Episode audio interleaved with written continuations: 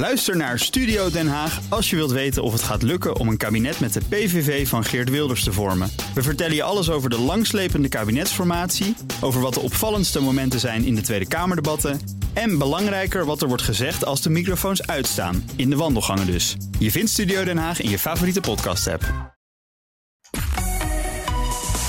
BNR Nieuwsradio. Boekenstein en de Wijk. Hugo Rijksma. Dit is een extra uitzending van Boekenstein en de Wijk in verband met de oorlog in Oekraïne en de crisis met Rusland. Het is woensdag, dag 21 van de invasie. Contact met Rob de Wijk. Uh, en Rob, voor we beginnen, ik kom net uit een gesprek met de jongens van de Haagse College. En we hebben een date op vrijdag 1 april, s'avonds in Nieuwsport, voor een uh, live extended opname van de podcast. Met publiek, met vragen uit de zaal. En ik geloof zelfs dat er sprake is van een quiz. nou zeg, dat klinkt allemaal wel erg uh, gezellig en spannend. ja. Dus daar ben ik nooit goed in geweest, maar uh, ik vind het wel leuk om uh, in Nieuwspoort bij elkaar te komen. Ja, nou morgen staat het op de site van Haags College, haagscollege.nl en kunnen mensen boeken. Heel goed. Tot zover de huishoudelijke mededelingen zou ik zeggen. Wat is je nieuws uit Oekraïne? Nou kijk, één belangrijk nieuwspunt, dat komt niet uit Oekraïne, maar het komt uit de Amerikaanse Senaat. En ik denk dat dat toch wel even belangrijk is om te zeggen. De Amerikaanse Senaat die heeft uh, Poetin veroordeeld tot een uh, oorlogsmisdadiger. Uh, ik denk dat dat terecht is. dat het goed is dat die man ooit eens een keer voor zijn daden terecht gaat staan. Maar het lijkt mij zeer onverstandig om dat nu te doen. want op het moment dat je zegt van jij moet veroordeeld worden. Mhm. Ze hebben heel opmerkelijk ook de Senaat gezegd van het uh, internationaal strafhof, dus in Den Haag, moet het voortouw nemen. Die moet maar zijn onderzoek uh, gaan beginnen. Het strafhof wordt helemaal niet erkend door Amerika. Mhm. Uh, maar het is um, een buitengewoon tricky hoor, dit soort, dit soort oproepen om dat te doen. want misschien kan je nog herinneren, ehm, een man als Assad, de president van Syrië, die moest ook weg, daar mocht niet meer mee worden mhm. gesproken. Dat was een oorlogsmisdadiger.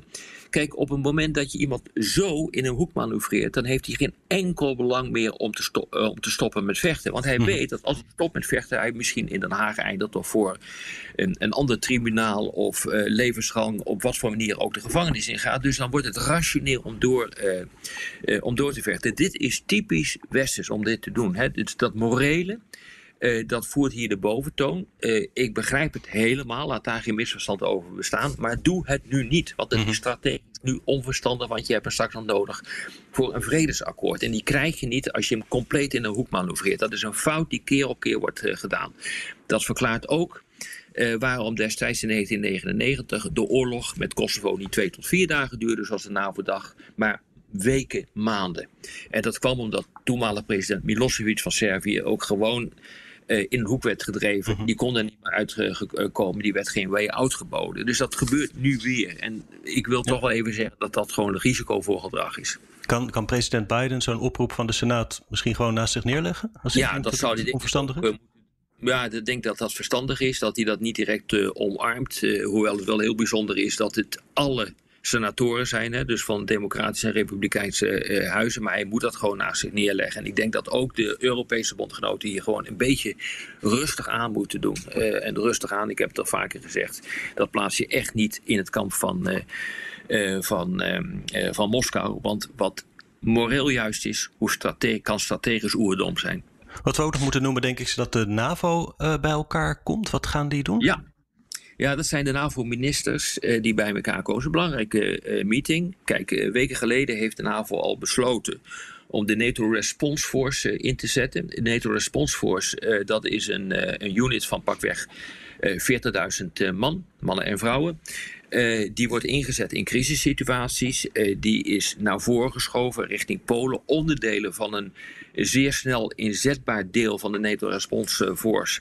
Uh, die zijn al aangekomen onder Franse leiding in Roemenië.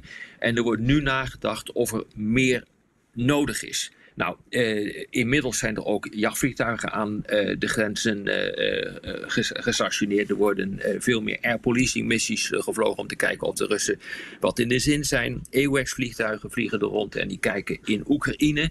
Dus je ziet dat de NAVO eigenlijk zich aan het voorbereiden is op een artikel 5 situatie. Waarbij een aanval op één een aanval tegen allen is.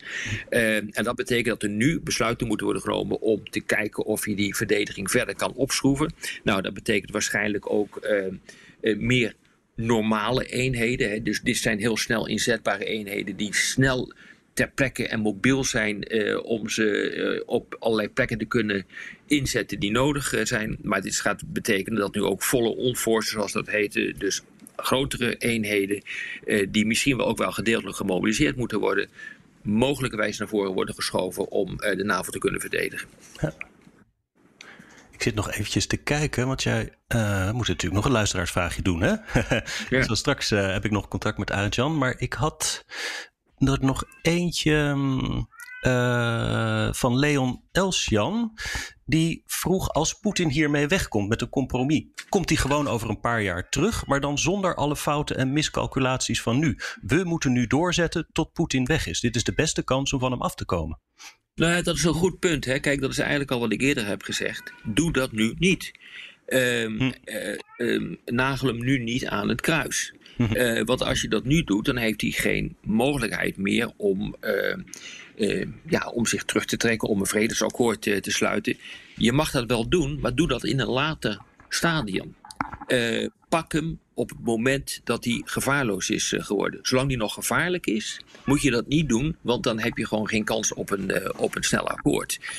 dus ja, weet je, nogmaals, hè, en dat is toch echt wel belangrijk, iets wat moreel juist is, en dat is het ook in de, wat, wat de vragensteller uh, uh, stelt, kan nog kan heel erg dom zijn in strategische opzicht, hmm. omdat je daarmee gewoon jezelf in je vingers snijdt. Oké okay, Rob, dankjewel. Volgens mij moet jij door. En mijn kat wil mijn aandacht hier aan deze kant. Dus, uh, ja, ja.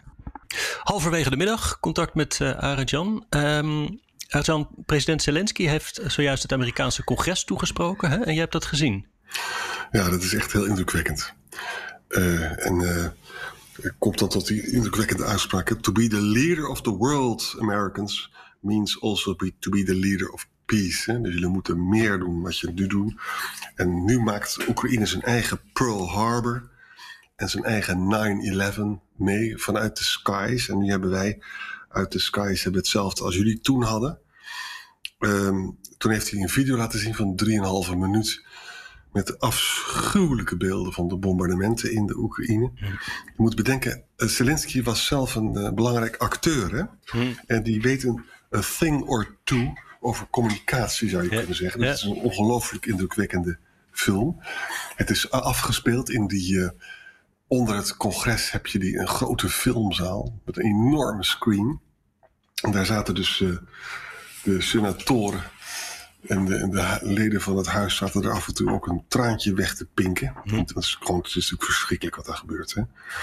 Uh, en uh, ook nog met uh, referenties naar Martin Luther King. Hè? I have a dream. En dan kwam dus die no-fly zone weer terecht. Jongen, ja. Nou, je moet goed bedenken, dit komt dus samen. Dit is interessant. Hè? In maandag waren er dus senatoren in Polen die ontzettend bezig waren met die MIG-deal, je, waar we het zo vaak over gehad hebben. Ik hoorde ook Bloementaal, senator Bloementaal, een democratische senator, hoorde ik spreken op CNN. Maar er waren ook republikeinse senatoren. En Biden staat dus nu onder enorme druk, ook van de Amerikaanse congres. En die gaat nu binnen een paar uur bekendmaken dat hij 800 miljoen extra uh, hulp gaat geven in de vorm van, uh, ja, dan wordt het toch weer stingers en javelins. Hè? En, en drones uh, zag ik ergens staan. En, en drones ook. En dat, dat, als dat laatste waar is, en dat, dat heb ik ook gelezen, dan betekent dat dus dat dat moet dan bediend worden met mensen die dat kunnen. En dat betekent dat, dat er toch Amerikaanse special forces waarschijnlijk zijn. Hè? Dat, dat, dat dachten we al. Want die kunnen dat goed bedienen. Want, want de Oekraïners zelf, die weten alleen maar die Turkse drones te bedienen. Hè? Die hadden ze al, hè? Ja.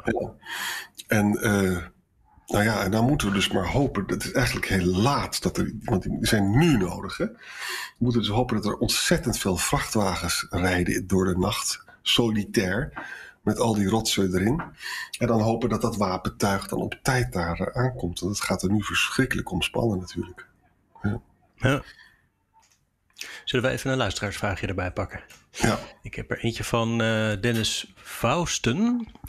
Uh, die zegt: Ik zou graag de volgende kijkersvraag stellen aan Boekenstein en de Wijk. Stel dat Rusland en Oekraïne tot een bestand komen. Wat zou dat betekenen voor de opgelegde sancties aan Rusland? Worden deze dan afgebouwd of blijft Rusland voorlopig afgesloten van een groot deel van de mondiale economie? Ik vroeg me dat ook wel eens ergens af. Nou, ja. Hoe ga je terug? En dat is een hele goede vraag. Uh, Blinken heeft daar zelf net iets over gezegd. Hè, van wij zijn alleen bereid om die sancties af te bouwen als er een onomkeerbare Russische terugtrekking van de troepen is. Hm? Um, wat natuurlijk ook weer een hele moeilijke uitspraak is. Want je kan natuurlijk technisch gesproken kan je het over twee jaar allemaal weer doen. Hè? Er wordt, wordt nu gesproken. Lavrov eh, eh, tussen de Oekraïne en, en Rusland. Lavrov zegt er is een certain hope, heeft hij letterlijk gezegd. Hè? Mm -hmm. we, we, hebben al gisteren gezegd dat die neutraliteit zou acceptabel zijn voor Zelensky en ook voor de Russen. Maar de Russen willen demilitariseren. Hè? Nou ja, dat, dat, dat, is erg gezellig. Dan haal je dus in die rompstaten wat er overblijft, alle wapens weg. En dan kan vervolgens uh, Rusland alsnog iets doen. Hè? Dus ja. dan, moet, dan moet er eindeloos ook weer onderhandeld over worden.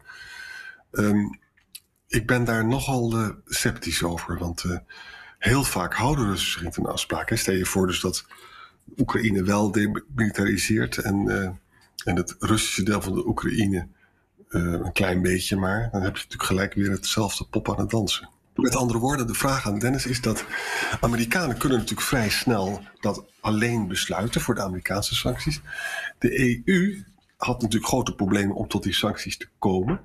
En veel lidstaten zullen heel graag afgaan van die sancties, omdat ze mm-hmm. doodsbang zijn voor de gasleveranties en allerlei andere belangen in Rusland. Maar die moeten er wel samen over overleggen. En dat duurt natuurlijk uiteraard de zaak langer dan in, in uh, Amerika, omdat het gewoon een heleboel lidstaten zijn. Dus met andere woorden, er is niet zo'n heel mooi mechanisme, een heel flexibel mechanisme dat je kan reageren op uh, uh, beleidsvoorstellen van Rusland, dat het direct leidt tot sanctieafbouw. Ja. Dat is best een probleem nog. Enige haast is misschien wel geboden. Ik zag uh, dat vandaag Rusland 117 miljoen aan rente moet betalen op zijn staatsschuld in dollars. Ja. En als ze zich genoodzaakt zien om dat in roebels te doen, omdat de rest uh, bevroren is, dat in elk geval Fitch, die credit rating agency, dan gezegd, dat zien we dan als een default. Ja, het, is, ja. het is een eurobond ook, zag ik. en ja, dit is, dit is, dit is heel uncharted territory. Want wat gebeurt er als dus een land, eigenlijk, een land kan eigenlijk niet failliet gaan. Hè?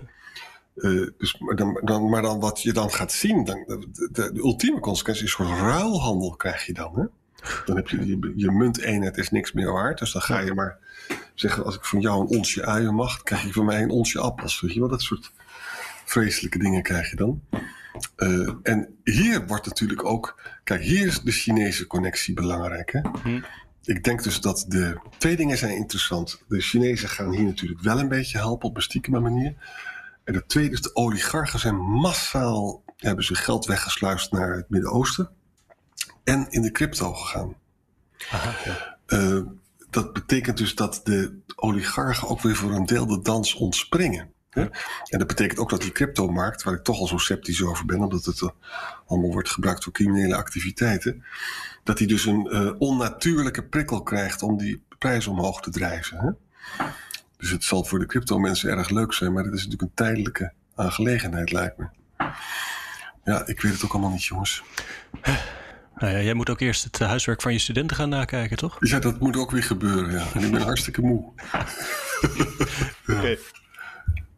Nou, hey, we, hey, we spreken elkaar. Ja. Oké. Okay. Hoi, hoi. Hoi, ik ben Geert-Jan Haan. Je kent me van de Perestroikast, die ik maak met Floris Akkerman. Deze weken zijn ook wij heel druk met Oekraïne en Rusland. En we duiken in de ziel van de landen die elkaar nu zo bestoken. Met gasten als Bob Deen, Hubert Smeets en Schenk Scheijen. We duiken in de geschiedenis van de landen, in de taalstrijd, is die er nou wel of niet? In de religiestrijd, is die er nou wel of niet? En hoe zit het in de kunstwereld, de wetenschap? En mag je Russen nou discrimineren of slaat het helemaal nergens op? De Perestroikast te beluisteren via jouw favoriete podcast-app.